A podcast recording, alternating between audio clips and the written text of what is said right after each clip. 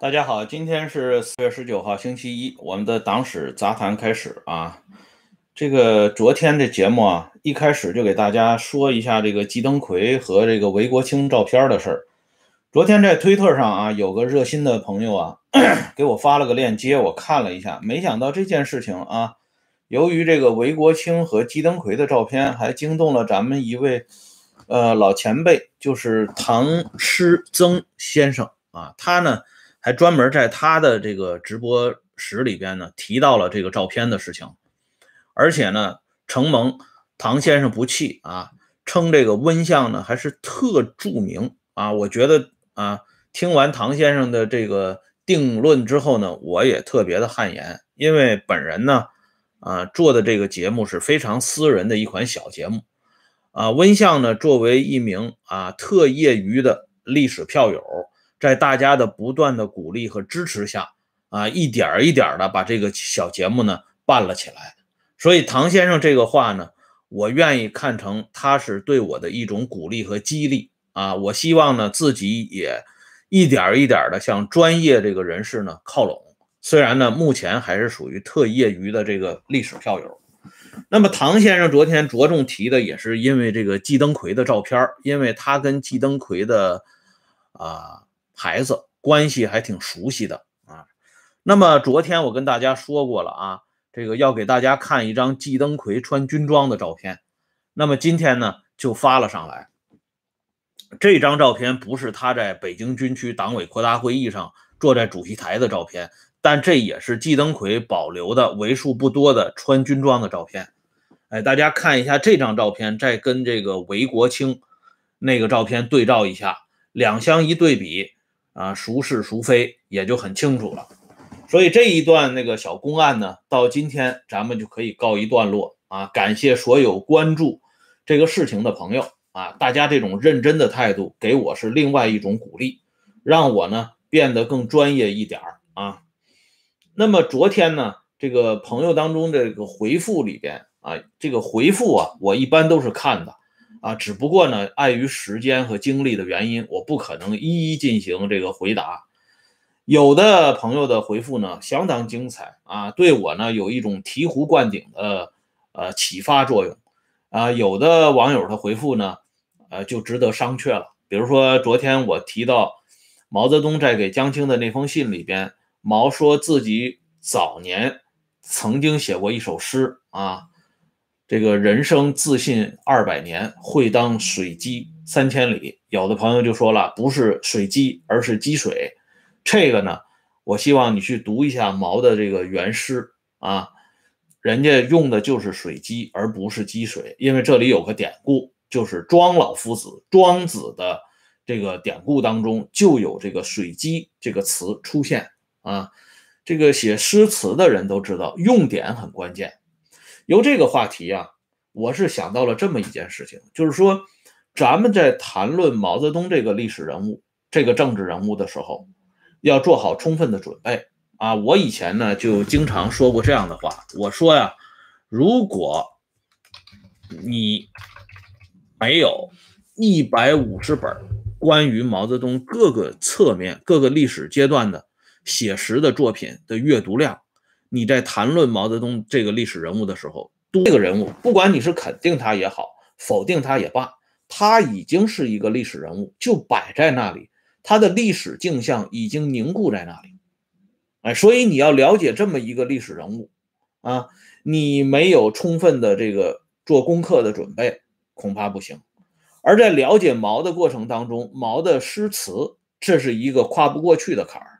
啊，这里呢，我自己不夸口的说，我在上初中的时候，凡是当时毛已经公开出版的诗词，我都能倒背如流。后来呢，到了大学以后呢，接触到他一些没有公开出版的诗词呢，我又补充了一些。这么说吧，毛这一生写的大部分诗词，我能见到的，我都能背诵下来。哎，所以这个呢，就是从我个人的经验来看，你要了解毛泽东。那要下相当一部分的功夫的。有的网友就说：“为什么你开口伟大领袖，闭口伟大领袖？”我觉得称呼这个政治人物、这个历史人物是什么都不关键，关键的是你要捋清他的历史脉络，啊，捋清他的人生轨迹，看到他的多重侧面，看到一个相对完整、真实的毛泽东走在你的视野当中。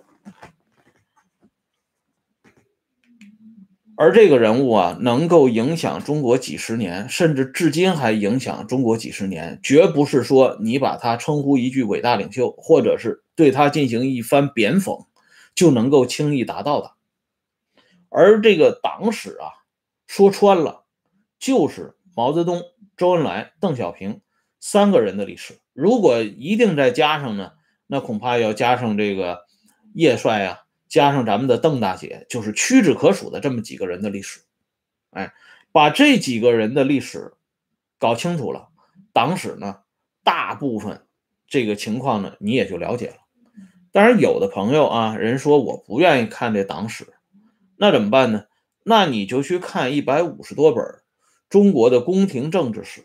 啊。如果你把啊从秦始皇以来的到这个大清朝末年。这中国宫廷政治史搞清楚了，这党史的相当一部分情况也能搞清楚。这历史呢，从来就是相通的。那么今天啊，我要给大家介绍的，着重介绍的是咱们周恩来同志的那条神奇的胳膊。在介绍这个神奇的胳膊之前呢，我们还是啊，先把这个昨天说到的谭启龙介绍一下。这个曾经担任。中共山东省委第一书记、山东省省长啊，这么一个关键性的历史人物。这个人呢，和陈丕显啊、胡耀邦啊、张爱萍啊、王恩茂啊这些这个高级领导人、高级领导干部差不多的经历，是属于当时苏区很有名、很有代表性的红小鬼啊。十几岁就参加红军了。这谭启龙呢，与谭震林。被毛泽东称之为大谭和小谭。这个谭震林大家都知道，这是毛的亲信。当年第一届湘赣边界选举这个常委的时候，有毛泽东啊，也有谭震林，所以这谭震林跟毛的关系非常深。大家看这张照片，知道这是当年淮海战役总前委的领导班子成员的一张合影。当初在定啊。淮海战役总前委领导班子的时候，毛泽东亲笔把当时野战军第一副政治委员谭震林的名字添加上去，这样呢就形成了五位常委的概念。其实啊，这谭震林跟其他四个人没法比。刘伯承和陈毅，这是两大野战军的啊头子。邓小平呢，是整个主抓党务政治工作的第一把手。粟裕呢是军事指挥上的实际的第一把手，而谭震林呢，充其量不过是邓的助手而已。他居然也能进入总前敌委员会，全然是因为他与毛泽东这种深厚的历史渊源和关系所致。那谭启龙啊，是在一九四一年，就是抗日战争时期，跟这个谭震林认识的，从此两个人的关系急速得到发展。啊，浙江。这个解放之后呢，啊，谭震林在浙江主持过一段工作，而谭启龙就作为啊谭震林的主要助手，两个人在一起办公，甚至呢在一栋这个楼里边啊前后楼居住着。这张宝贵的淮海战役的照片呢，张震的回忆录里边就提到过，他是怎么说的呢？他说当时啊在拍这张照片的时候。有这么一个情况，就是总前委这几位首长，让他们华野的这几个部门领导也参加这个拍摄。啊，张震他们这些人本来也可以进入到这张照片当中的，但是那个时候啊，那个年代的这些人应该说没有今天啊有些人那么功利，那么势利。大家觉得人家都是领导，都是总前委成员，我们不过是下边办具体事儿的。具体工作人员，啊，不要凑那个热闹，所以张震他们就没有进入到这张照片之内。晚年的张震呢，回忆到此，他说了这么一句话：“他说今天想来，还真有几番后悔，因为这也是很有纪念意义的啊。”说实话呀，这张照片里边如果有了张震的这个呃影像的话，那张震的身价呢，恐怕更加不可比拟了啊！因为张震的这个回忆录，据说目前身价已经相当可相当可观了啊。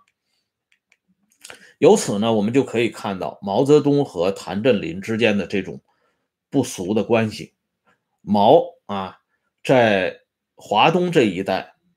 主要的代言人其实就是两个，前边呢是谭震林，后边呢就是柯庆施。哎，那么谭启龙呢，水涨船高。毛泽东到山东，我昨天说了，有两个啊土地爷，那是一定要在身边招呼的。一个就是谭启龙，一个是旁边拿扇子的济南军区司令员杨得志上将军。啊，再看一张比较近的照片，这谭启龙跟伟大领袖在一起亲切交谈。而谭启龙这个人啊，也是谭震林在那场著名的二月逆流里边所谓发难的两个主要人物之一。第一个呢，大家都知道是陈丕显，因为那场所谓大闹怀仁堂。最初就是由陈丕显引发的。这谭震林呢，就问这张春桥：“陈丕显同志为什么没有来？”张春桥说：“群众不答应。”这下子把谭震林给惹火了。谭震林噼里啪啦的说了一大堆话。在怀仁堂这个会议上闹了之后呢，谭震林还专门给自己的老领导林彪写了一封信。这信中呢，就提到谭启龙。说很多老干部被搞得七荤八素、人仰马翻，家里呢是妻离子散，啊，倾家荡产。这里他提到的就是江华同志、谭启龙同志，哎，所以从这个这些例子里边，我们就可以看到，谭震林和谭启龙不仅仅是领袖赋予他们“大谭”“小谭”这样的外号，他们实际上的关系呢也非常之深。那么今天为什么要先前讲了这么多关于谭启龙的事情呢？关键是谭启龙的回忆录里边涉及到咱们恩来同志，所以今天我们就先来看一下恩来同志这条神奇的胳膊是如何让毛泽东、江青夫妇望洋兴叹的。我们都知道，江青当初因为喜欢这个骑马啊，展示一下他的飒爽英姿啊。周恩来呢是出于保护江青的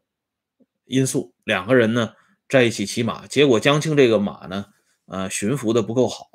导致呢周恩来这胳膊受伤。给大家看一张江青这个骑马的近照啊，这是比较清晰的，啊，这个样子呢，说实话，在今天根本不算什么啊。据说现在这个县团级这个女干部都开始骑马了，但在当年这个延安呢。这个男女比例严重失调，甚至是一比八或者是一比十几的这个状态下，有这么一个年轻的女同志骑在马背上，啊，确实挺引人注目的，啊，所以当时江青骑马导致咱们恩来同志这个胳膊受伤，受伤之后呢，这些神奇的画面呢就陆续的出现在历史的视野当中了。我们先来看这张照片，周恩来这辈子啊，特别注重。这个仪容和仪表，谁都知道啊。包括以前我给大家举的他那个刮胡子的例子，他到了最后的时候呢，他宁可不让他经常服务的那个师傅呢出现在他面前，因为他怕他们看到他啊最不愿意给大家展示的那一面。而周恩来这个受伤胳膊受伤的这个照片呢，就保留了这么一张，而且照片旁边的另外一个人。是正当红的刘少奇啊，正作为毛泽东的顶尖亲信冉冉上升。那周恩来这个胳膊受伤，找到刘少奇在一起合影这个事儿呢，如果你要就从历史的角度说，人家战友情深呐，或或者是偶遇之类的，也还能够解释得通。问题是接下来的情况呢，就显得非常的有意思啊。咱们这位恩来同志呢，胳膊受伤之后。啊，不论是在外交场合，啊，还是他和咱们邓大姐在一起的亲密合影，他的胳膊都是端着的啊。这个大家从这个电影、电视剧上都能看到啊。王铁成啊，啊等等这些演员演周恩来的啊，刘进呢，他们都都要学这个姿势啊，端着胳膊的这个姿势。那么由于他这个胳膊受伤之后呢，啊。他这个游泳就出现问题了，啊，这是周恩来目前啊保留的几张少有的游泳的照片。这张彩色照片呢，旁边的这个女同志呢，她是国家体委的游泳教练，很有名的一个人，她的名字叫黄连华啊。这个用胳膊挡着周恩来的人呢，是谁呢？就是周恩来的卫士长啊，程元公。这老先生已经去世了。呃，这件事情呢，是周恩来的卫士长程元公回忆的啊。他说：“这个周恩来在忙里偷闲学游泳啊，专门找了国家体委的游泳教练黄连华。”游泳的时间是一九六一年第二次庐山会议期间，游泳的地点是在庐山的这个庐林湖里边。这里边啊，我提一下，程员工的回忆当中有这个游泳地点的这个节点值得大家关注。他说到两个地方，一个呢是一九五八年在北戴河，一个呢就是一九六一年在庐山的庐林湖。而前提是什么呢？前提是一九五八年这北戴河，周恩来学游泳的时候，当时刚刚毛泽东游完泳，啊，所以周恩来呢就带着一干人等到北戴河里教别人教他学游泳，而这个庐山这个庐林湖呢，游泳呢也是在毛刚刚游完泳之后，周领着黄连华呀、程元公这些人下水开始学游泳。换句话说呢。这个周恩来啊，这条神奇的胳膊抬不起来，学不好游泳，或者说他选择游泳的地点一定是在毛游过的地方来展示，这本身是不是另外有一层深意呢？这个我们只能悬揣了，因为没有最直接的证据支持。但这两次都是出现在毛游泳的地方，显然不是那么具有偶然性了。或者说呢，周恩来更愿意把自己的这条神奇的胳膊展现在毛泽东、江青以及毛泽东一度的亲信刘少奇这些人的面前。这对于一个向来非常注意自己仪容仪表的人来讲，这是一个很不容易让大家理解的地方。这一次游泳呢，当然也失败了啊，因为他这个胳膊的原因嘛。但是呢。在没有太多人关注的情况下，啊，没有这个伟大领袖和文艺旗手出现的情况下，恩来同志在自己啊锻炼身体的时候，大家可以看一下，他这个胳膊呢伸展的时候，虽然有弯度，也并非不能完全啊这个拉动啊。这张照片呢就显示了这个内容。那么接下来这张照片，这个内容呢就更丰富了。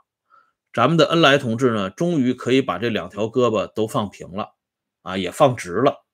这张照片据说是这外国人拍的照片，以至于呢，后来咱们国家有关部门还跟人家这个摄影记者呢再聊一聊，说这个照片的版权能不能收归我们这个所有。后续的话题我们就不聊了。但是这张宝贵的照片呢，啊，让我们看到恩来同志这条神奇的胳膊。还有这么一个神奇的景象啊！同时呢，李德生有一个比较有意思的回忆。李德生呢，进入到中央军委办事处之后，他有机会经常参加周恩来主持的这个啊碰头会啊，他呢对这个周恩来有一个非常细致的观察。但是李德生在中央工作的时候啊，他没机会跟周围的人说，因为李德生这个人，他最大的特点就是嘴巴非常严啊，什么该说什么不该说，他把握的分寸把握的非常好。而他回忆周恩来的这个在喝酒时候的一个细节，是他后来到沈阳军区担任司令员以后啊，他跟这个身边的一些人回忆的。这个回忆呢，因为无伤大雅，所以被保留了下来。他讲了这么一个故事，大家看一下。他说他有一次啊，跟周恩来一起出席这个宴会的时候，啊，发现一个特点，就是周恩来喝酒啊，喝这个白酒之后，他含在嘴里，啊，他不咽下去。等大家呢都咽下去之后呢，他举了举杯啊，用这个酒杯跟大家示意一下，然后他坐下，这口酒呢就在他嘴里含着，啊，有好长一段时间他不咽下去，当然他也不说话啊，跟大家呢点头致意。出现过在李德生啊跟周恩来接触的时候，他说出现过好几次，所以后来李德生呢就出于这种晚辈对长辈、下级对上级。的这种关心和爱护的角度，他就问过周恩来，他说：“总理啊，这个喝酒啊，如果不喝不能喝的话，就不喝了啊。这样呢，我看您这个喝酒，这个喝都不咽下去，又不得不这个撑这个场面，我看了心里很难受啊。”周恩来呢就很高兴，拍了拍李德生的肩膀啊，说：“德生啊，我年龄大了，这个酒量啊。”也不像当年那个样子了，啊，但又是呢不能不喝，这里有一个礼节的问题，所以呢，我就把这个酒呢含在嘴里，啊，含一会儿，然后再咽下去。啊，李德生就说，那说的话肯定就是理解周恩来的话呀，还有其他的啊，关心、爱护、心疼周恩来的话。但是李德生还有一个回忆啊，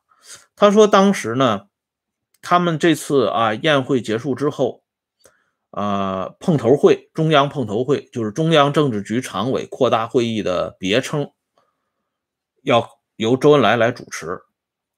这一次这个碰头会呢，关键是军委办事组的几员大将向周恩来请示工作，啊，就是黄武、李秋这些人，而且这一次会议呢。啊，没有叶群参加，也没有江青参加，